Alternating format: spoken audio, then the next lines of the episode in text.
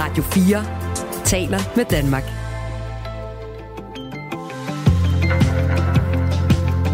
Velkommen til Radio 4 morgen. Siden Sverige søgte medlemskab i NATO sidste år, så har der været masser af spændinger mellem øh, Sverige og Tyrkiet, og nu er Rasmus Paludan af alle mennesker lige pludselig blevet en del af den her konflikt, efter han brændte en koran af foran den tyrkiske ambassade i Stockholm i weekenden. Og det er altså en sag, vi øh, beskæftiger os med øh, her til morgen ved siden af nogle af alle de andre, og det er cirka lidt over halv otte, at vi kigger på den. Men nu skal vi til noget helt andet.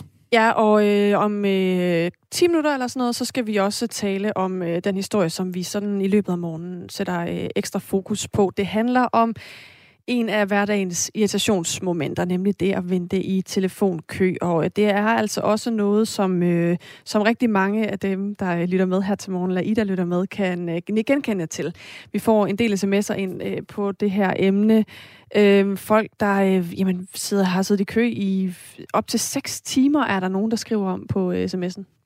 Der er en, der skriver, og der er faktisk en her, der kommer med et godt råd. Du efterlyste også et godt råd andet tidligere på morgen. Øh, Hej, nu er jeg pensionist og har ikke tid til telefonkø, så jeg bruger e-mailen, som de fleste firmaer mm. har, skriver Peter til os. En travl pensionist. Der, der kan jeg godt nogle gange opleve, at der er flere dages ventetid, men det er selvfølgelig, man øh, spilder jo ikke sin tid på samme måde. Nej, der er nemlig også en her, der skriver, at øh, jeg har fornøjelsen af at skrive til Andel Energi, som er en af de øh, virksomheder, vi sætter fokus på her til morgen. Og hun øh, læseren Karin, eller lytteren Karina øh, skriver til os, at øh, hun ventede i tre måneder på et e-mail-svar, så man skal måske også lige overveje det, om det er en god idé. Vi taler øh, med Andel Energi om øh, cirka 10 minutters tid. Lige nu der er klokken 7 minutter over 7. Radio 4 taler med Danmark. En 35-årig mand, der er sigtet for nytårsnat og have knivdræbt en 26-årig mand i Koldingby, var på udgang fra Sønder Omme fængsel, hvor han sidder inde for en voldsdom. Det har vi her på Radio 4 morgen fået bekræftet på baggrund af flere af hinanden uafhængige kilder. Den sigtede mand, der nægter sig skyldig, var på udgang fra sin fængselsstraf tre måneder efter han blev idømt et år og otte måneders fængsel for at have holdt en kvinde indespærret i en lejlighed i syv og en halv time, hvor han både tæskede hende og troede hende på livet. Og 12 dage efter drabet er landets fængselsbetjente i et internt notat blevet bedt om at passe mere på, hvem af de fængslede, der er voldsdømte, som de giver udgang til. Godmorgen, Helle Hall. Godmorgen advokat og talsperson for foreningen Hjælp Voldsoffre. Hvad mener du om, at en mand, der er øh, sigtet nu for et knivdrab, var på udgang tre måneder efter, han havde fået en voldsdom, der lød på et år og otte måneder? Jamen, det er jo klart, at for den øh, familie, som, øh, som er de pårørende til, til den sigtede, så føles det voldsomt krænkende. Men jeg synes, vi måske lige skal huske på, at vi ved jo ikke nødvendigvis, om det er ham. Øh, men, men i hvert fald konstatere, at, at en person, som er på udgang, er blevet involveret i en eller anden episode, som har, øh, har, har, har ført til knivdrab. Så jeg tænker, at med den forsigtighed øh, skal vi jo lige huske, hvordan vi udtaler os om den følelse, offrene eller de efterladte til den dræbte har. Jeg synes, det frembyder et, et andet problem, og jeg synes, at det er voldsomt krænkende for den person, altså den forurettede, der er årsag til, at manden oprindeligt sidder fængslet. Altså, når han har fået så hård en dom for så øh, øh, alvorlig personkriminalitet. Hvad laver han så på fri fod efter tre måneder? Det synes jeg faktisk er mere krænkende. Og netop det øh, sætter jeg lige lidt fakta på her, fordi det er sådan, at i de åbne fængsler, der kan indsatte normalt få udgang til besøg hos familien efter typisk 30 dages ophold. Og øh, sidder man så i et lukket fængsel eller arresthus, så skal man have afsonet mindst en fjerdedel af straffen, før man som indsat kan få udgang. Og så er der de såkaldte dronningedage. I forbindelse med jul eller nytår, så kan udgang nemlig forlænges med op til to dage. Det er ikke en forudsætning for sådan en forlængelse, at den pågældende har været indsat i forbindelse med jul eller og nytår. Man får kun lov til udgang, hvis personalet ikke mener, at man vil prøve at flygte, begå ny kriminalitet eller på anden måde misbruge den her udgang.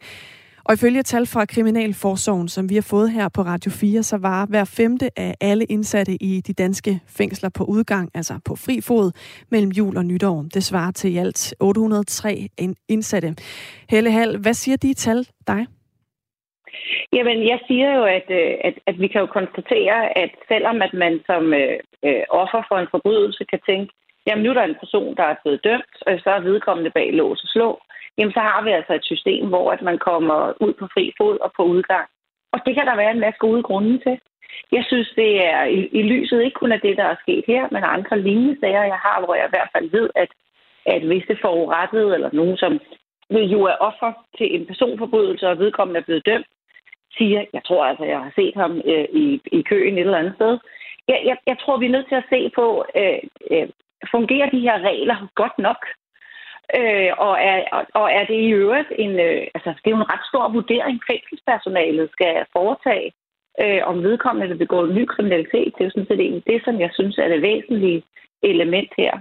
Og, øh, og uanset hvordan vi vender og drejer, så, øh, drejer reglerne, så tror jeg simpelthen, at der er offer, som vil føle sig krænket at en gerningsperson, som vi nu kan tillade os at kalde dem, de er blevet dømt, øh, går på fri fod. Vil det sige, at du mener, at reglerne her, de i virkeligheden er for slappe? Ja, det, altså, det, jeg, jeg tror faktisk, det er svært at sige decideret, at de er for, straffe, for slappe, men jeg tror i hvert fald, at vi med sikkerhed kan sige, at når en episode som det her øh, kan opstå, Øh, men så er der grund til at, at at se reglerne efter i sømmene. Og, og, og bare, bare for at sige, jeg har, vi har også oplevet det før hos Hjælp Voldsoffer, at vi hører om, om nogen, som siger, at de har, er blevet voldsomt krænket af, at en person, som de nu regnede med, var bag lås og slå, er, er på fri fod, som det jo hedder, bevares de kun for udgang, men, øh, men de kan færdes frit. Og, og jeg siger ikke, at vi helt skal lade være at, at, at lukke øh, dømte på, på udgang, for det, det kan der være mange gode grunde til.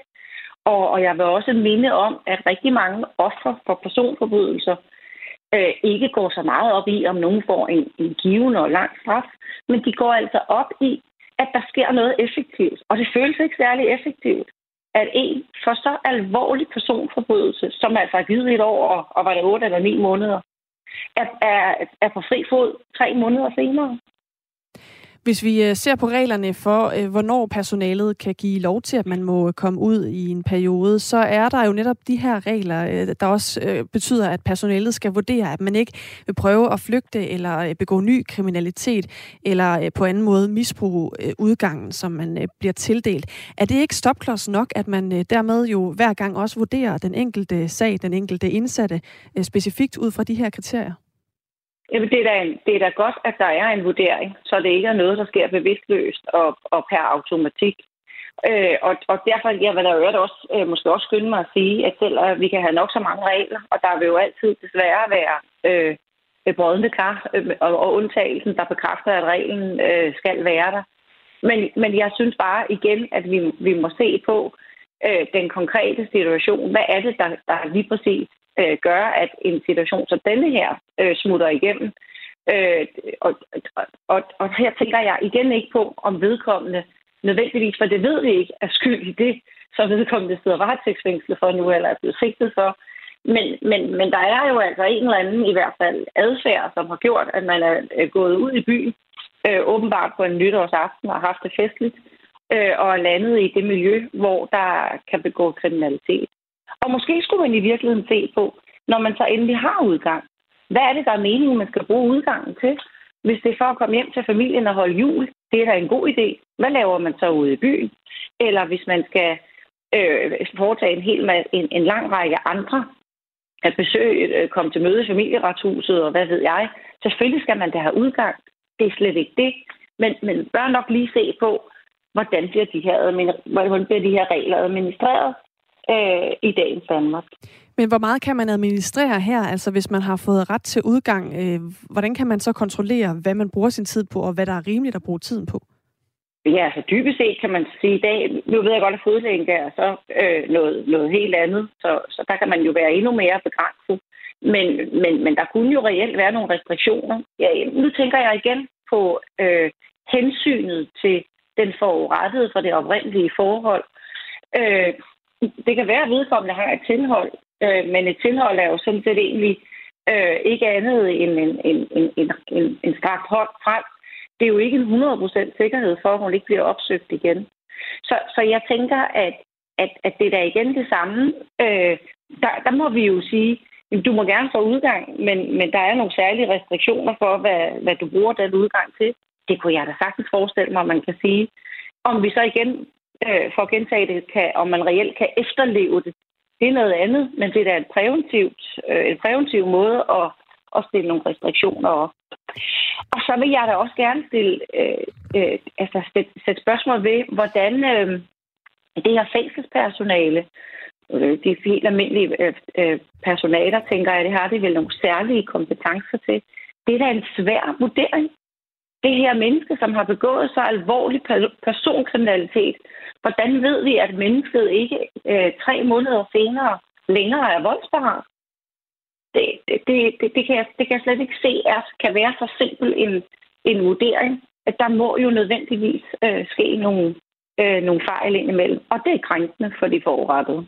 Der er mange aspekter i det her, Helle Hall. Øh, bare sådan, øh, så vi forstår dig helt konkret. Hvad mener du så, man sådan helt konkret skal gøre på det her område, for at øh, undgå, at, øh, at det kan ske, der kan ske tilfælde, hvor en udgang fører til øh, ny kriminalitet, eller at, som du øh, også er inde på her, at det offer, som øh, i første omgang øh, har været øh, årsagen til, at vedkommende sidder i fængsel, at det ikke føler sig forurettet ved at for eksempel at møde vedkommende ude i byen. Altså, hvad er det helt konkret for nogle ting, man skal skrue på i forhold til de regler, der ligger i dag? Ja, jeg ville jo ønske, at jeg havde det, det fuldstændig klare øh, og lige svar. Jeg synes, det, der er oplagt at se på øh, på nuværende tidspunkt, hvor vi i hvert fald kan konstatere, at der opstår situationer, hvor indtil flere bliver krænket her under det danske samfund, det er at se de her regler efter i sømne og sige, kan vi skrue på kriterierne for, hvornår nogen får lov til at få udgang, og er det muligt på en eller anden måde at opstille nogle restriktioner for, hvad er det, som man må bruge den udgang til? Så er vi da et skridt hen ad vejen for i hvert fald at se, om vi kan eliminere det. Vi øh, taler altså med Helle Hald, der er advokat og talsperson for Foreningen Hjælp Voldsoffre. Det gør vi også i anledning af en øh, konkret sag, hvor en 35-årig mand er sigtet for nytårsnat at have knivdræbt en 26-årig mand i Kolding by. 12 dage efter drabet på den 26-årige mand i Kolding, der blev et notat sendt ud til fængselsbetjentene i de danske fængsler. I notatet, som vi øh, er, på, øh, er i besiddelse af her i Radio 4 morgen, der står der, at der skal ske et, citat, skærpet fokus på sikkerhedsvurderingen af dømte med en misbrugshistorik, herunder særligt dem, som er dømt på, for personfarlig kriminalitet, der, der har vist sig at være et behov for, at man yderligere øger sikkerhedsbevidstheden. Der øh, står også, at det ifølge Kriminalforsorgen er nødvendigt for at forebygge, at der sker alvorlige fejl, som i værste fald kan betyde ny alvorlig kriminalitet, herunder personfarlig kriminalitet. Og hvis vi skal prøve sådan at omformulere det til almindeligt dansk, så betyder det jo noget i retning af, at vi skal være mere forsigtige med at lade indsatte, der er dømt for vold, og som kunne være til falds for øh, fest og hvad der dertil hører af alkohol og andre rusmidler, komme ud til os andre i samfundet, imens de afsoner deres dom, fordi de, der er risiko for, at de kunne finde på at øh, slå nogen eller dræbe igen.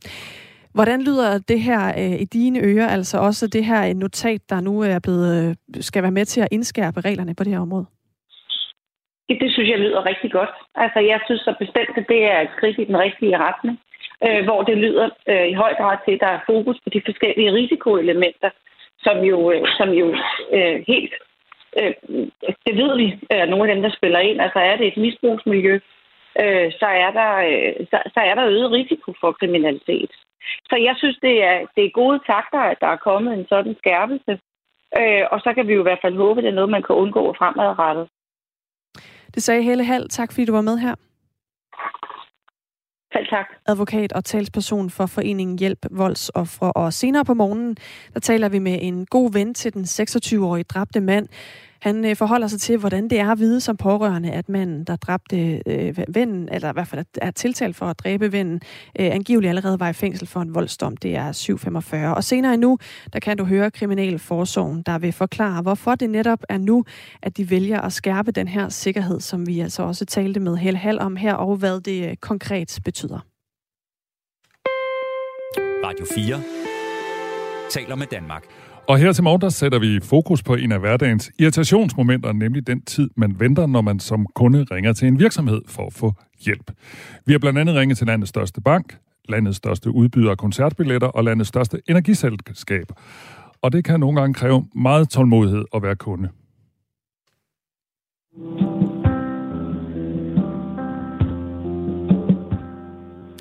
Sådan her lyder det, når man ringer til landets største energiselskab Andel eller Energi, hvis man for eksempel har spørgsmål til en elregning eller priser, og vi har ringet til dem fire gange på forskellige tidspunkter på fire forskellige dage. Og første gang, der ventede vi en time og 22 minutter, og anden gang ventede vi, hold nu godt fast, i 4 timer og 50 minutter, før det her skete. Velkommen til kundecenteret. Du snakker med Clara. Hvad kan jeg hjælpe med? I september sidste år, der meddelte Andel Energi, at de ikke længere kunne betjene alle kunder på telefonen, fordi der var et voldsomt pres på grund af mange spørgsmål fra deres kunder. Men der er til det er til synligheden stadig svært at betjene kunderne. Ud af de fire gange, vi ringede til Andel Energi, fik vi to gange den her besked. Vi har ekstraordinært travlt, og lige nu prioriterer vi de kunder, der allerede venter i kø, og derfor har vi nu lukket for telefonen for i dag. Jeg har talt med Rasmus Avnskjold, der er presseansvarlig i Andel Energi. Mit første spørgsmål var til den lange ventetid på 4 timer og 50 minutter. 4 timer og 50 minutter, det, det er for lang tid, og det er, øh, det er selvfølgelig på ingen måde øh, tilfredsstillende. Det er også ekstraordinært lang tid. Det er, øh, det er betydeligt over, øh, over den almindelige gennemsnitlige ventetid, vi har. Øh, men det, det er selvfølgelig ikke tilfredsstillende. Det kan jeg sagtens forstå. Og jeg kan også godt forstå, at, det, at der er en frustration over det. Øh, men helt generelt så oplever både vi og andre energiselskaber, vi, øh, vi oplever en voldsom lang ventetid på, eller øh, voldsom pres på vores telefoner, og deraf følgende lang ventetid. Vi har altså også ringet til nogle andre energiselskaber, for eksempel Energi, der var der 5 minutters ventetid. Hos Modstrøm ventede vi 2 minutter, og hos Energi Fyn, der ventede vi 42 minutter. Hvorfor, hvorfor tager det meget længere tid hos jer? Øh, der er kæmpe stor forskel på, hvornår på dagen du ringer. Øh, hos os, der, når du ringer lige, øh, når vi åbner om morgenen, mm, så er der, øh, de første kunder kommer selvfølgelig igennem med det samme. Der er meget kort ventetid lige, øh, lige når vi åbner, og så, øh, så stiger ventetiden øh, hen over dagen. Og ligesom alle andre, så er vi også nødt til at, øh, at lukke på telefonerne der sidst på formiddagen, hvis vi skal nå at, øh, at tale med alle, der kommer i kø på den samme dag, og det er en prioritet for os. Øh, hvis du ringer lige når vi åbner, jamen, så er der kort ventetid. Hvis du er en af dem, som når at ringe lige inden vi er nødt til at lukke på telefonerne, jamen, så, er der, så er der en lang ventetid, og så er det, den kan nå op på de her over fire timer. Men hvad synes du om de der fire timer? Det synes du er utilfredsstillende. Vi har, vi har, vi... Ja, klart, der, ingen, ingen tvivl, der er ingen tvivl om, at vi synes overhovedet ikke, det er fedt, at der skal være så lang tid. Og det er heldigvis heller ikke normalen, at der er fire, øh, fire en halv times ventetid, eller fire timer og 50 minutter. Det er rigtigt, der, der er nogle kunder, dem som ringer lige inden vi er nødt til at lukke, de kan godt komme ud i de her ventetider. Det er overhovedet ikke tilfredsstillende. Der, der må ikke være nogen som helst tvivl om, at vi synes ikke, det er fedt. Vi synes ikke, det er godt nok. Og vi gør alt, hvad vi kan for, at man netop ikke skal vente i så lang tid. En af de andre gange, vi ringede, der ventede vi en time og 22 minutter. Er det tilfredsstillende? Jeg vil ikke, altså, det med at ringe og vente, øh, selvfølgelig er der ikke ventetid ikke tilfredsstillende. Jeg vil sige, før den internationale energikrise, der var den almindelige ventetid, når man ringede til os, den var på cirka 3 minutter. Og så kommer der, øh, ja, jeg havde nær sagt overnight, men i, i løbet af meget, meget kort tid, så kommer der et helt ekstremt pres på vores telefoner. Vi er Danmarks største energiselskab. Vi har 1,2 millioner kunder, så selvfølgelig kommer det til at ramme hårdere hos os, at der lige pludselig kommer sådan en telefonstorm. Øh, selvfølgelig kommer det til at ramme hårdt. Og det er altså ikke noget, hvor vi bare sidder, ej, det var dog ærgerligt. Det er, det er virkelig, virkelig noget, vi tager seriøst. Vi har ansat over 100 nye mennesker for at imødegå det her pres. Så øh, det er altså noget, vi tager dybt, dybt seriøst. Men det er åbenbart ikke nok. Nej, men det bilder vi os heller ikke ind. Øh, det, er, altså, vi, det er jo ikke sådan, at vi, at vi bare er tilfredse, og I var det fedt. Men man skal også huske på, at det er sindssygt vigtigt for os, at vi kan åbne vores telefoner hver morgen. Vi, vi står i en helt ekstraordinær situation i hele energibranchen. Rigtig mange af vores kunder, de oplever, at regningerne de bliver fordoblet eller tredoblet. Mange kunder står i en meget desperat situation. Det er simpelthen et, virkelig et hårdt behov for at få fat i os. Derfor så er det sindssygt vigtigt for os, at, man kan, at der er et vindue hver eneste dag, hvor man kan få fat i os. Det er, det er prioritet nummer et. Vi har, vi skal sikre, ja. Vi har, vi har som sagt ringet til jer fire gange, og to gange har der været de her meget lange ventetider, og to andre gange, der har vi ringet kl. 11.20 og 13.35, og der har vi bare fået at vide, at man, øh, beskeden var, vi har ekstraordinært travlt og prioriterer kunderne i køen. Vi har derfor lukket telefonerne i dag. De virker som om, I ikke prioriterer jeres kunder ret højt. Nej, det, det er jo det, det, vi gør. Det var ellers det, jeg lige var ved at, at forklare. Øhm, vi ved, at en stor del, er ikke en stor del, men en del af vores kunder er ekstremt presset på økonomien på grund af de her ekstraordinært høje energiregninger. Derfor så er det hammerne vigtigt. Det er en prioritet for os, at man kan få fat i os hver evig eneste dag. Og når man, har, når man lige pludselig fra den ene dag til den anden får en tidobling af presset på sine øh, telefoner, jamen så, øh, så opstår der selvfølgelig et pres, og det, det er vi selvfølgelig nødt til at håndtere. det vi gør, for at man skal kunne få fat i os hver dag, hvis det er, at vi, vi vil, vi skal åbne telefonerne med fra 0 hver eneste morgen. Det er vigtigt for os. Hvis man skal kunne gøre det, så er man nødt til at tømme køen hver dag. Og det gør vi på den måde, at vi åbner om morgenen fra 0, så begynder folk at ringe ind, øh, og så opstår der en kø. På et tidspunkt, så er køen så lang, at hvis vi skal nå at ringe tilbage til alle de kunder, der er i kø samme dag, så er vi nødt til at lukke for yderligere tilgang til køen. Og så bruger vi resten af dagen på at ringe tilbage til alle dem, der, der er i kø. Og hvis man kommer i kø, så bliver man ringet op samme dag. Vi ringer til alle, der er kommet i kø. Det er sindssygt vigtigt for os. Ja, man bliver ringet op, hvis man har trykket et for at blive ringet op. Men så risikerer man jo, at man står nede i børnehaven eller sidder på sit arbejde, hvor det lige pludselig er upassende at tale med jer. Ja, det er desværre den risiko, der er, og det, det kan vi desværre ikke gøre så meget ved. Hvis vi skulle bruge, øh, vi kunne selvfølgelig godt vælge at forsøge at ringe op til den samme kunde flere gange, men der er vurderinger. Altså, det er bedre at bruge tiden på at ringe til andre kunder. Jo flere kunder vi kan få talt med, jo flere kunder vi kan få hjulpet på den pågældende dag, jo bedre. Jo færre er nødt til at ringe tilbage dagen efter. Men det vil så også sige, at man skal ringe til om morgenen, og hvis ikke man har mulighed for at ringe til om morgenen, men først over middag, så vil man faktisk aldrig komme igennem. Ja, anbefalingen er helt klart, at, vi, øh, at man ringer om, øh, om formiddagen. Altså, det normale er, at vi er nødt til at lukke for telefonerne øh, sidst på eftermiddagen. Men, men, ja, men vi har jo ringet for eksempel 11.20, og der var telefonerne allerede lukket. Det er for at sikre, at øh, de kunder, som er kommet i kø, at, øh, de bliver, at vi kan nå at ringe til dem samme dag, sådan så vi kan starte på 0 dagen efter. Hvis vi bare lå telefonerne være åbne hele dagen, så vil køen håbe sig op i en uendelighed, og så vil der slet ikke være nogen, der kunne få hjælp de kommende dage. Det er simpelthen bare at sikre, at alle har en mulighed for at komme igennem igen i morgen. I har omkring 2.000 ansatte, og I har haft det her problem siden sådan energikrisen for alvor sat ind i efteråret. I var ude og fortælle om det blandt andet i september. Kan I ikke mm. bare sætte nogle flere til at tage telefonerne? Det har vi jo sådan set også gjort. Øhm, det her, altså, man skal huske, at, at øh, når, vi, når vi beslutter at ansætte nogle flere mennesker, så, så er der en rekrutteringsperiode, og der er en oplæringsperiode. Så der går i hvert fald fire måneder, fra vi tager beslutningen om, at vi skal op og der, vi skal have flere mennesker ansat i kundeservice, til at de mennesker, vi så har ansat, de faktisk er i stand til at tage fra. Og det har vi som set gjort. Vi har ansat lige godt og vel 100 nye kollegaer til kundeservice, Øh, og det begynder vi faktisk at mærke en effekt af nu. Det er ikke godt nok endnu, men det er bedre, end det var. I, øh, jeg, jeg ikke sige bedre, men det er, ikke, det er ikke så slemt, som det var tilbage i efteråret. Rasmus Avnskjold øh, taler jeg med lige nu. Han er presseansvarlig hos Andel Energi. Til sidst, øh, Rasmus Avnskjold, jeg har talt med en øh, ekspert, der siger, at ventetiden i en virksomhed bør være omkring et par minutter. Hvornår kommer I derned, tror du, eller hvornår begynder I at have nogle ventetider, som er sådan, forstå mig ret, en lille smule mere håndterbare? Ja, gid, gid, gid jeg kunne sige det. Øh, ja, altså, jeg, jeg tør ikke love noget. Det er, altså, når man befinder sig i den situation, som hele energibranchen gør, så er det altså meget vigtigt, at man ikke lover noget, man ikke kan holde. Det er en helt usædvanlig situation. Og hvordan den ser, det ser ud om, ja, til sommer bare, det er sgu svært at spore. Så du kan ikke love kunderne, at det bliver bedre?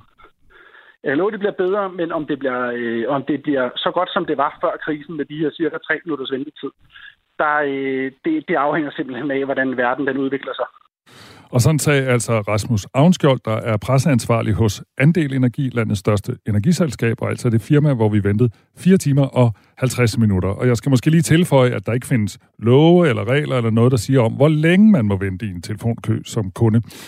Men det kan jo være irriterende alligevel. Så skriv om din oplevelse med at sidde i kø, og det er som altid på 1424, at du kan deltage i den debat. Vi nærmer os klokken halv otte. Øh, på den anden side af et nyhedsoverblik, så skal vi tale med øh, Hanif Malik, hvis øh, barndoms- og ungdomsven blev knivdræbt i Koldingby nytårsnat. Her er en øh, 35-årig mand sigtet i sagen. Han er i øh, forvejen dømt for vold, men var i nytåret på udgang fra fængslet i Sønder Omme. Det har vi her på Radio 4 Morgen fået bekræftet på baggrund af flere af hinanden uafhængige kilder. Vi øh, skal jo understrege, at vi reelt jo selvfølgelig ikke ved, hvem der har begået det her drab, fordi der kun er tale om en sikkelse, og manden nægter sig også skyldig. Men vi taler altså med Hanif Malik, som var øh, meget tætte venner med den nu afdøde 26-årige. Øh, de har kendt hinanden siden deres øh, tidlige ungdom, og han er altså med os her i Radio 4 Morgen klokken kvart i 8. Og når vi spørger efter nyhederne, så skal det også handle om, at Rasmus Paludan lige pludselig er blevet en del af konflikten mellem Sverige og Tyrkiet, efter at Sverige har søgt medlemskab i NATO. Nu er der nyheder på Radio 4. Hver tredje Ph.D.-studerende snyder med medforfatteren, viser et nyt dansk studie. Her der svarer hver tredje Ph.D.-studerende, at de har skrevet en medforfatter på en artikel, selvom vedkommende ikke har bidraget med noget væsentligt, det skriver videnskab.dk. Selvom det er i strid med internationale retningslinjer, så kommer det ikke bag på studiets medforfatter Mads Godiksen. Han er postdoc på sektion for forbrug, bioetik og regulering på Københavns Universitet vi har set i andre studier øh, rundt omkring i verden. Så øh, det kom ikke som sådan bag på os, at det var så højt, men det kom bag på os, at der var store forskelle på tværs af fakulteter. Studiet viser, at det mest udbredte, at det er mest udbredt inden for medicin og de naturvidenskabelige og tekniske fag. Her der har mellem 49 og 42 procent af respondenterne ifølge studiet uretmæssigt skrevet en medforfatter på en artikel. Og ifølge Mads Godiksen, så er den helt store taber systemet der stadigvæk er en tabende part, nemlig systemet som helhed, som mister forværdighed og mister muligheden for at give forskningsstillinger og forskningspenge til dem, som faktisk har lavet god forskning, og ikke dem, som har været gode til at netværke og få deres navn på, på gode artikler. Tyskland kommer ikke til at stå i vejen for, at Polen sender sine tyskproducerede kampvogne til Ukraine. Det siger den tyske udenrigsminister Annalena Baerbock i et interview med den franske tv-station LCI. Det skriver Reuters. Vi er endnu ikke blevet spurgt, men hvis vi gør, kommer vi ikke til at stå i vejen, siger Baerbock. Den tyske regering og kansler Olaf Scholz har indtil videre ellers været vævende i spørgsmålet om, hvorvidt tyskproducerede kampvogne skal sendes til det krigshavede land. Olaf Scholz siger, at alle våbenleverancer skal ske i samarbejde med allierede. Polens forsvarsminister måtte fredag forlade Ramstein-basen i Tyskland uden tysk opbakning til at sende Leopard 2-kampvogne til Ukraine her og nu. På basen havde Ukraines allierede mødtes for at diskutere den fremtidige opbakning til landet. Selvom kampvognene tilhører Polen, må de ikke sendes afsted uden Tysklands samtykke.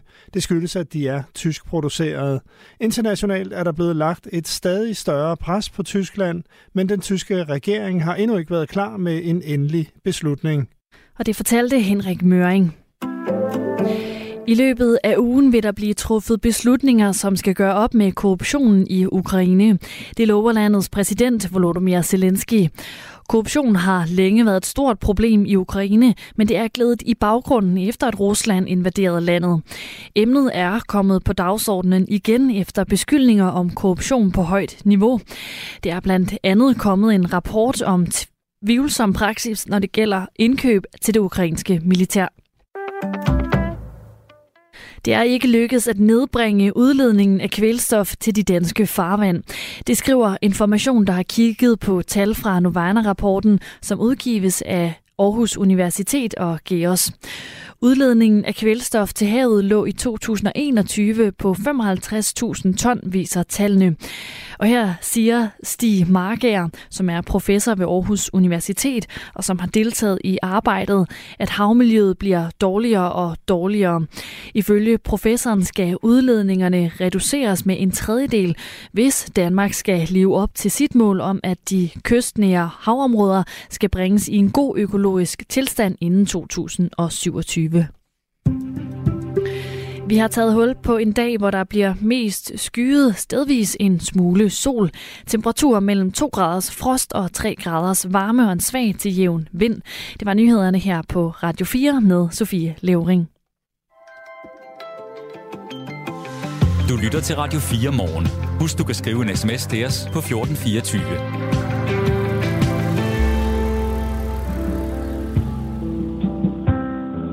Velkommen til Radio 4 morgen. Du venter og venter. Lige om lidt, så siger vi noget mere. Ja.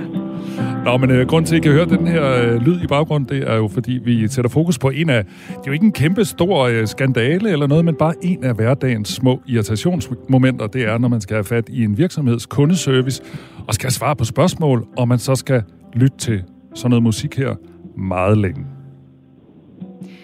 Sidst jeg forsøgte at få fat i mit elselskab, har telefonsvaren sagt, at de har lukket for deres telefoner på grund af travlhed, og man skal sende en mail, er der en, der har erfaring med her på 1424.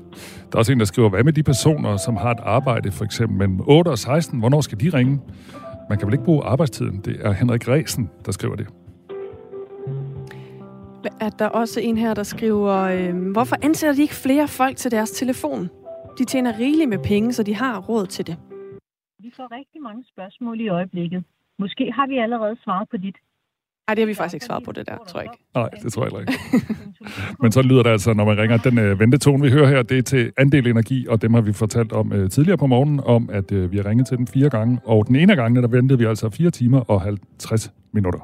Jeg har også øh, anbefalet, at øh, skulle man sidde derude med et godt råd til, hvordan man så kan håndtere sådan en lang telefonkø, hvad, hvad man kan gøre som øh, den, der ringer ind for ligesom at, at håndtere det. Der kommer Inger altså med det her råd. I stedet for at trykke, vil du klage, så tryk, vil du købe? Så kommer du hurtigt til at blive omstillet derfra. Der er nogen, øh, der har fortalt os under researchen, faktisk også, øh, det har vi så jo ikke øh, kunne teste, men at hvis man ringer op til en virksomhed og gerne vil være en ny kunde, hmm. så er der mange flere, der tager telefoner, end hvis man, hvis man ringer for at klage. Ja. Det er en påstand. Det, øh, det kan være, at vi skal have tjekket det i en, øh, i en anden udsendelse på et tidspunkt. Nå, i hvert fald en uh, historie, som vi fortsætter med, så lad endelig sms'erne flyde ind, som vi gør på uh, 1424. Det her er Radio 4 morgen. I lørdags afbrændte dansk-svenske Rasmus Paludan en koran foran Tyrkiets ambassade i Stockholm. Og det har fået den i forvejen ret betændte situation mellem Tyrkiet og Sverige til at eskalere. Paludans planer om en koranafbrænding, den fik øh, den tyske, det tyske udenrigsministerium til at indkalde Sveriges ambassadør i Tyrkiet til en samtale i fredags. Og på det møde, der fik ambassadøren at vide, at Tyrkiet på det kraftigste fordømmer den provokerende protest. Alligevel så fik Rasmus Paludan altså tilladelse til at brænde Koranen af i Stockholm, og det fik så Tyrkiet til at aflyse et møde med den svenske forsvarsminister Paul Jonsson om den svenske ansøgning om det her NATO-medlemskab. Peter Supli Benson er nordisk korrespondent på Berlingske og med os nu. Godmorgen. Ja, godmorgen. Hvordan har Rasmus Paludans koranafbrænding i weekenden helt konkret forbindelse til den konflikt, som jo allerede eksisterede mellem Tyrkiet og Sverige? Øh, det har den vel øh, på den måde, at øh, en, en hver lille siger jeg, irritation eller en hver stor ting i, i det her forløb, det bliver blæst fuldstændig ud af proportioner og bliver brugt på kryds og tværs i forhold til, om Sverige og Finland skal rykke ind i NATO. Det er jo ikke noget nyt, at der er sådan ret kold luft mellem Tyrkiet og Sverige. Lad os bare lige få opridset, hvor kommer den kolde luft fra? Altså, hvad var det, der sådan oprindeligt satte det i gang? Det er en kæmpe stor historie. Øhm, øh, I virkeligheden øh, gående helt tilbage fra 70'erne og frem, hvor rigtig mange kurder rykkede ud af, af Tyrkiet, fordi de følte sig undertrykt og forfulgt.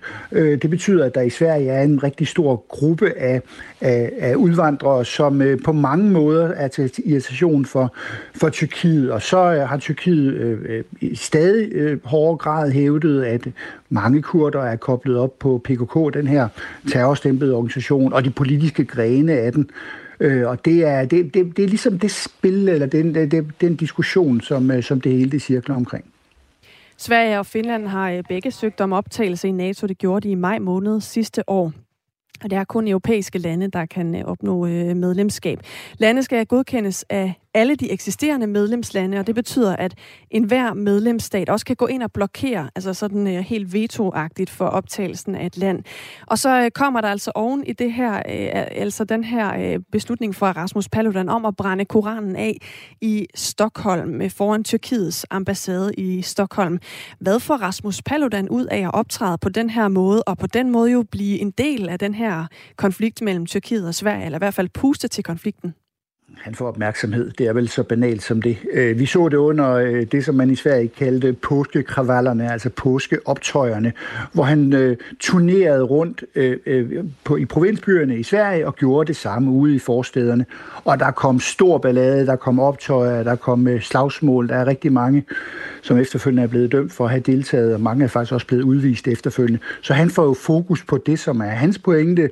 Han, hans, hans, kan man vel sige, havde til, til muslimer, muslimer og, øh, og dermed hans, hans brug af koranafbrændinger. Så, så, så det, det, det gentager han i virkeligheden bare nu efter øh, nogle måneder, hvor han har været meget, meget stille. Øh, måske har han haft travlt med at studere, som han jo hævder, han også gør ved siden af. Nu er han øh, tilbage på scenen. Og det fik altså også Tyrkiet til at aflyse det her møde, der ellers var planlagt med den svenske forsvarsminister om netop den her ansøgning om NATO-medlemskab. Hvordan øh, reagerer øh, Sverige, havde han sagt, og de svenske politikere og den svenske regering på den her øh, situation? De reagerer hårdt, og det samme gør øh, naboerne i Finland, som jo skal ind sammen med svenskerne. De er, de er rigtig, rigtig kede af det her, øh, og øh, man kan vel sige, at de har udtrykt sig øh, hårdt imod koranafbrændinger og mangel på øh, respekt for, øh, for en, øh, en religion. Øh, og så har de øh, er der nogle kritikere, der mener også gået længere i forhold til at plise øh, tyrkerne. Og dermed opnår tyrkerne jo så øh, en hel masse ud i, i det her forløb, fordi øh, at Paludan, han er, han er en, øh, om man så må sige, tosse, der står på en side, og så på den anden side, så står der Tyrkiet, som jo også, og en, og en præsident Erdogan, som har, øh, har noget at bruge det her til. Hvordan det? Jamen, øh, Tyrkiet skal have, og Erdogan skal til parlamentsvalg til, til juni i år, og det her, det er vurderer øh, jagttager i stor stil også indrigspolitik. Han er presset af en fuldstændig horribel, dårlig økonomisk situation i Tyrkiet. Mange tyrkere bliver, bliver fattigere og fattigere, så han har i virkeligheden behov for en ydre fjende i stedet for alle de her indre fjender.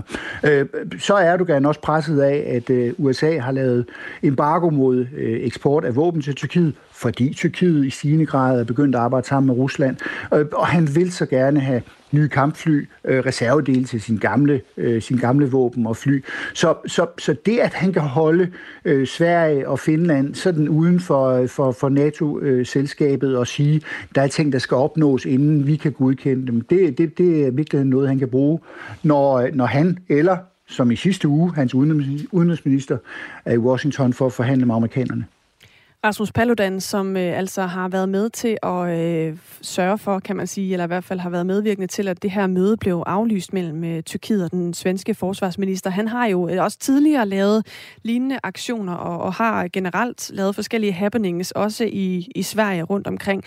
Bliver der sådan skælet til altså, øh, ham som person og hans øh, baggrund for at gøre øh, det her? Altså fordi, som, som du også sagde før, så er der jo ikke, fordi han sådan måske har nødvendigvis den store øh, interesse i at, at nægte Sverige et medlemskab i NATO. Det, det ved jeg ikke, om, om han også har været ude at sige noget om. Men, men altså bliver der skælet til fra tyrkisk side, hvem der står bag den her koranafbrænding? Eller er det bare princippet i, at der bliver brændt en koran af, der gør, at det her eskalerer?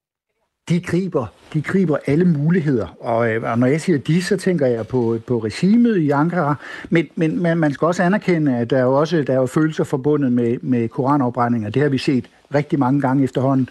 Og vi har også set, at der har været påstås det i hvert fald tusinder på gaden i, i Tyrkiet her de seneste, de seneste dage for at, for at afbrænde svenske flag nu, øh, og for at og, og øh, brokke sig eller klage over, at Sverige har givet Paludan lov til, at, at det sker. Så, så det, det, er en, øh, det er jo en bytte-bytte købmandssituation øh, på den, af den rigtig, rigtig grimme slags øh, på den her måde.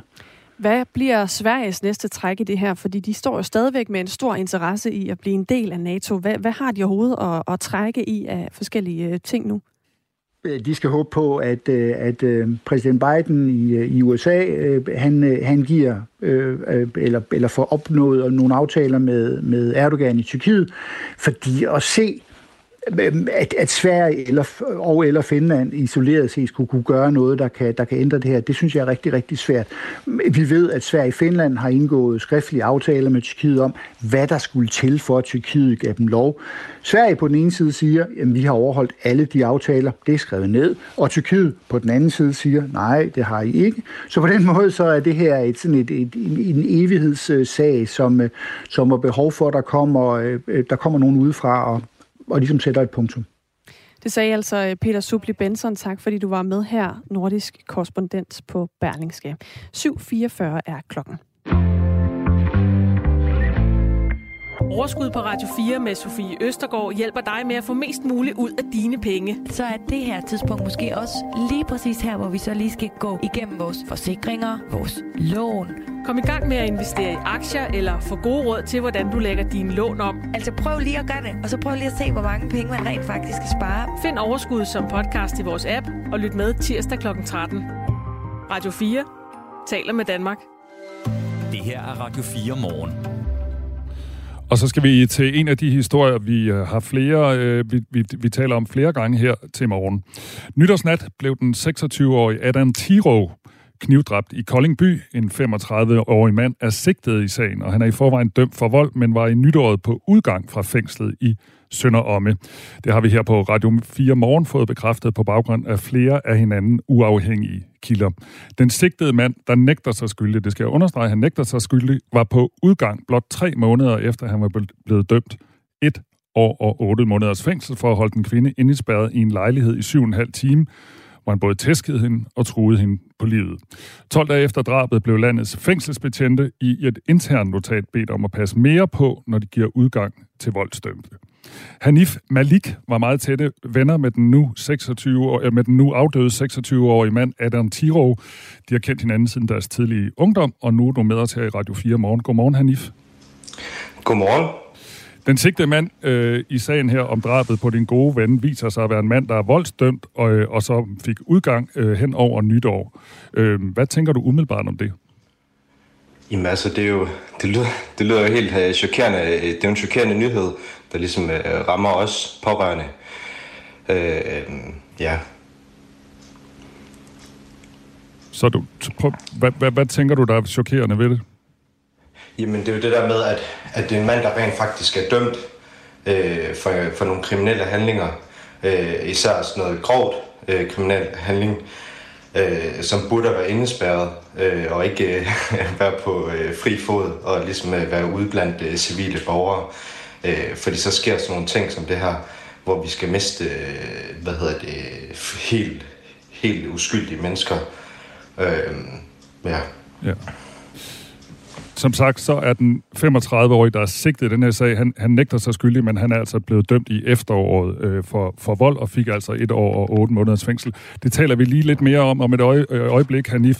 Men øh, fortæl os lige, øh, dig og Adan, I var rigtig gode venner. Hvad, hvad var han for en, for en fyr?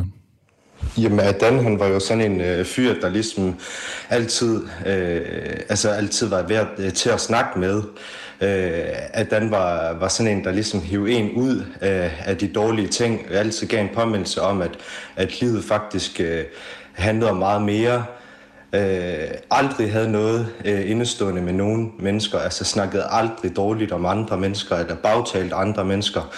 Så det er jo sådan helt, altså det er jo en, en meget øh, chokerende nyhed, at, at, at stå op til nytårs, øh, nytårs øh, morgen. Altså, ja, altså det var, super mærkeligt, at det skulle ske for Adan. Mm. Fordi at han er, han er øh, et hjertevarmt menneske, og hvis bare alle mennesker i Danmark vidste, hvilket øh, stort menneske han var, jamen så, øh, så ville alle ligesom have set, okay, at det her det er, det er chokerende og tragisk. Fordi man kan også se på de, på de indsamlinger, der ligesom har været bare i, i en lille by som Kolding, jamen der, der er samlet over 110.000 på, på en uge eller to. Altså, så det er jo, det er jo vanvittigt, ja. Mm. Du var ikke selv til stede den her øh, øh, nat, hvor din ven blev slået ihjel. Men jeg ved, du har været i kontakt med hans øh, familie. Hvad, hvad skete der? Jamen, øh, altså... Jeg ved, at, at familien er, er i dyb sorg og har, har det ikke særlig godt. Øh, og det er jo... Altså, det var jo også en chokerende nyhed for dem øh, hele vejen rundt. Altså, så, så, altså, for hele, hele Kolding har det bare været... Øh, en, en, en mørk sky, der ligesom har ramt øh, Kolding og alle, der kendte Dan. Mm. Øh, uanset etnicitet eller køn, så har Dan altid været vældig øh, i, i Kolding eller nærområdet. Men ved du noget om, hvad der skete selve nytårsnat? Øh, altså sådan, som, som historierne går på, jamen ellers så, øh, så, så, er det jo, så er det jo sådan, at at Dan prøvede ligesom at stoppe øh, en, en, en slåskamp, Øh, og så øh, i det, han træder ind, jamen så, øh, så får han de knivstik i ryggen. Mm. Øh, og det er jo det, at han, han ligesom er øh, det, på, på det forkerte tidspunkt. Øh, og så ligesom får de her knivstik i ryggen, og så øh, ender med at, at lægge sig ned, og så få noget hjælp. Manden, der er sigtet for drabet, er en 35-årig mand, der er i gang med at afzone sin voldsdom i Sønder Omme fængsel, der ligger mellem Herning og Bilund, og han nægter sig som sagt skyldig i drabet. Ifølge tal fra Kriminalforsorgen, som øh, Radio 4 har fået, så var hver femte af alle indsatte i de danske fængsler på udgang, altså på fri fod mellem jul og nytår. Det svarer til i alt 803 indsatte. Hvad tænker du egentlig, når du hører, at hver femte indsat var på udgang mellem øh, jul og nytår? Altså det er jo igen, altså det er jo et, et, et spørgsmål om, hvor mange historier skal vi høre af de her, med at, at civile øh, mennesker, de, de afgår ved døden, at der bliver slået ned, øh, fordi at, øh, at psykopater som, som de her, de skal have lov til at, at være øh, ude blandt øh, helt normale mennesker, civile mennesker. Det gør da et samfund som Danmark øh, totalt utrygt. Det gør da øh, et, et samfund som Danmark øh, meget bange for mig. Altså, det er jo, altså, jeg ved ikke, øh, om vi skal om man skal kunne frygte at tage i byen, eller hvad skal man kunne gøre? Altså, fordi de her mennesker, de skal jo ligesom have været budet inde, og det er jo det, der ligesom er.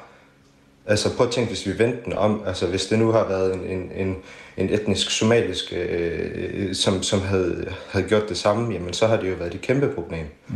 Så har det jo været mere medie, mediedækket. Men, men fordi at det, at det er sådan, som det er, jamen så er det jo gået, så, så, så er det jo forfærdeligt, at, at de her mennesker, de, de kan få lov til at komme ud, når de ligesom har fået deres dom.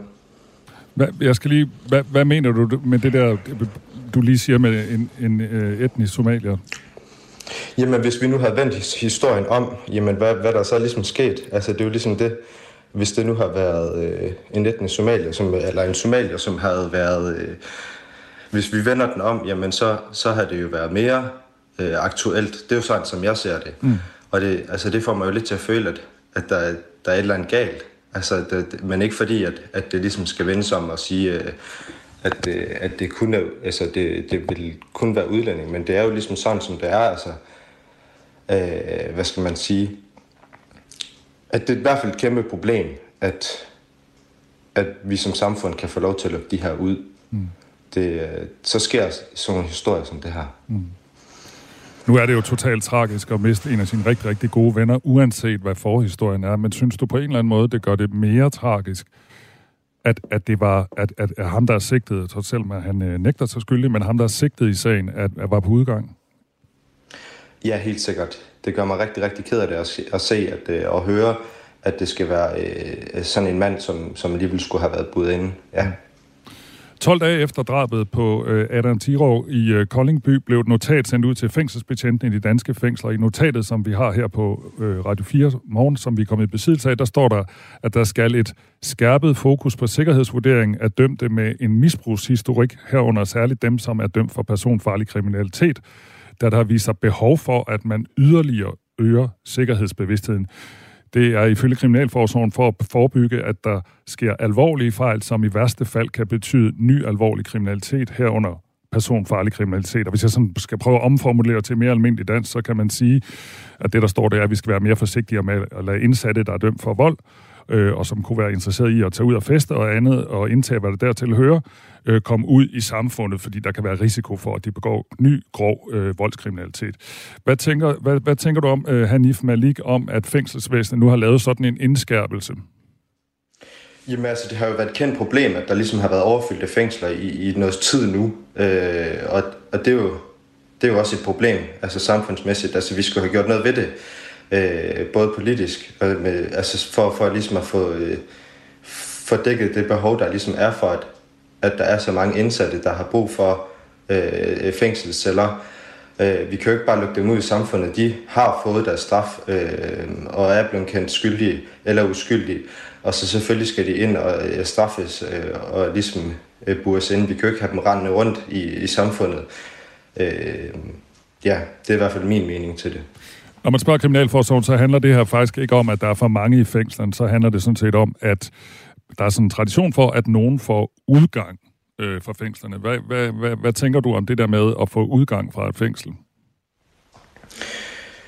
Jamen altså, udgang til et fængsel, altså det er jo bare, igen, det er jo mennesker, der har fået deres straf. Altså det, øh, de, de burde ikke have været lukket ud, før der ligesom har været afsonet, at lige, før de ligesom har afsonet deres straf. Øh, fordi der så sker sådan nogle ting som det her, det er jo bare en af historierne. Hvad bliver det næste? Ja, Det er et godt spørgsmål. Øh, tak skal du have, Hanif Malik, øh, som øh, var tætte venner med den nu afdøde Adan Tiro, der blev dræbt nytårsdag. Tak fordi du var med her. Det var så det. Og lidt senere på morgen klokken cirka 5 minutter over halv ni, der kan du høre Kriminalforsorgen øh, øh, fortælle os, hvorfor det er netop nu, at de vælger at skærpe sikkerheden, og hvad det helt konkret kommer til at betyde. Du lytter til Radio 4 morgen. På en morgen, hvor vi også taler en hel del om uh, telefonkøer, altså det her med at sidde med en ventetone af den ene eller den anden art i den anden ende af røret og vente på at komme igennem til uh, kundeservice. Vi har fået en øh, uh, sms fra en, der uh, har noget at gøre med den anden ende, altså den ende, hvor man rent faktisk tager imod opkald fra uh, kunder og, uh, og måske også nogle af dem, der ikke er så tilfredse. I vores virksomhed har vi turbokø, det vil sige sidder en kunde i kø til for eksempel bogholderiet mere end 20 sekunder, så ryger kunden videre i kø til for eksempel salgsafdelingen, marketing eller en anden afdeling, og får på den måde hurtig personlig betjening. Og mange gange så kan en anden afdeling godt hjælpe, hvis det er et simpelt spørgsmål eller et ønske. Og ellers så kan man tage imod besked og sende sagen videre. Vi tror på, at den personlige kontakt er den bedste oplevelse for kunden, også selvom den person, der tager telefonen, måske ikke kan hjælpe med at løse opgaven. Ah, smart. Det er da meget øh, snedigt tænkt. Et meget godt tip til virksomheder, som øh, måske har de her problemer med lidt lange ventetider. Lisbeth har et tip til den anden øh, ende af, af telefonrøret, altså til dem, der ringer ind og øh, venter længe. Det er ret effektivt at opsige sit abonnement, så bliver man ofte ringet op i løbet af dagen. Ah, det er den her med, at, øh, at hvis man... Øh, ja, altså også det, vi snakker om lidt før. Hvis man nu ringer ind for ligesom at blive ny kunde, så er der måske lidt kortere ventetid, end hvis Præcis. man ringer ind for at klage. Så hvis man opsiger noget, så får man en opringning, fordi de så er interesseret i, Hov, hvorfor opsiger du dit abonnement? Ja, måske godt vil have, men øh, vender tilbage til dem, ikke? Jo. Det er nogle gode øh, tips og tricks, der tigger ind. 1424 er sms-nummeret. Radio 4 taler med Danmark. Nå, der er jo VM i håndbold i øjeblikket. Jeps. Det holder jeg meget af. Men jeg har også tænkt på noget, som jeg simpelthen ikke synes, at spillerne får nok anerkendelse for. Nå. Ja, de slår sig ret meget, ikke? Også hårdt nogle gange, de her håndboldspillere. Det er den vildeste kontaktsport, jo. Det er det nemlig, og yes. det er jo ligesom en ting, altså at de slår sig. Men når de så slår sig og har ondt og mm. ligger der på banen, så skal det også ske til sådan noget virkelig, en virkelig stressende lydkulisse af en genre, som jeg vil kalde for øh, håndboldmusik. Et konkret eksempel. Ja. I går, der spillede Chile og Sydkorea mod hinanden ved VM, og der sker det ubehagelige, at en af Chiles spillere får et knæ i skridtet af en sydkoreansk spiller. Oh. Ja, tænker nok, du vil sige. Chiles anfører der gik så selvfølgelig i jorden, har store smerter, det kan man virkelig godt se på det her klip. Og til hvilken lydkulisse tror du? noget umfi, umfi, umfi. Det er ikke meget galt. Vi har ikke uh, decideret rettigheder til at bruge klippet, så jeg har været inde og lige sammensætte lydsporet, fundet de sange, der bliver spillet, imens han altså ligger og uh, har uh, rimelig ondt. Ja. Bongo la, bongo cha cha cha. Altså prøv lige at lukke øjnene og forestil dig, at du lige har fået et knæ i skridtet, og så overvej, om du godt gad at høre det her fra ud af højtalerne.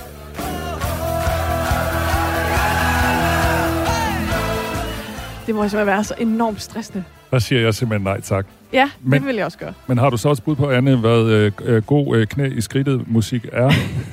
hvad det, er vi ude sådan noget øh, lidt øh, sørgelig violinmusik nu? Det, det ved du nok bedre end mig, i virkeligheden. Ah, godt øh, sendt tilbage. Ja. ja, hvad ville være godt, hvis man lå der? Jamen, det ville nok være noget, der havde en lidt trøstende, noget lidt blidt noget, ja. nu mens man havde smerter i de ædlere dele. Ja. I hvert fald det der øh, partymusik, er det ikke sådan noget?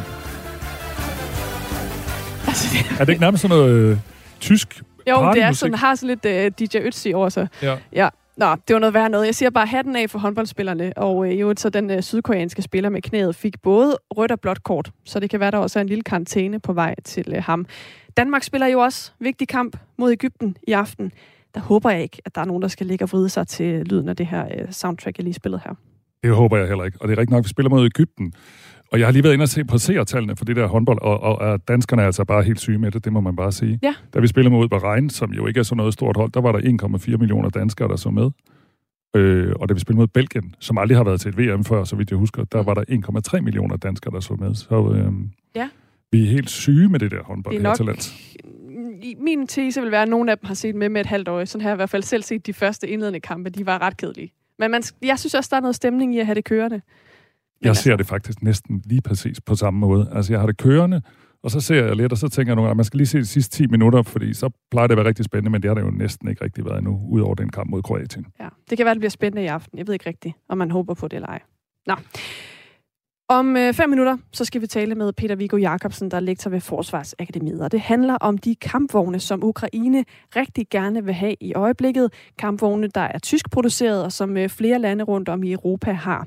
Nu har den tyske udenrigsminister været ude at sige, at Tyskland ikke kommer til at stå i vejen for, at Polen sender sine kampvogne til Ukraine. Det er nemlig sådan, når de er tysk produceret, så skal Tyskland egentlig give lov. Og øh, med det, så kan det jo altså være, at der er nogle af de her kampvogne på vej til Ukraine. Vi tager snakken med Peter Viggo Jacobsen om lidt. Nu er klokken 8.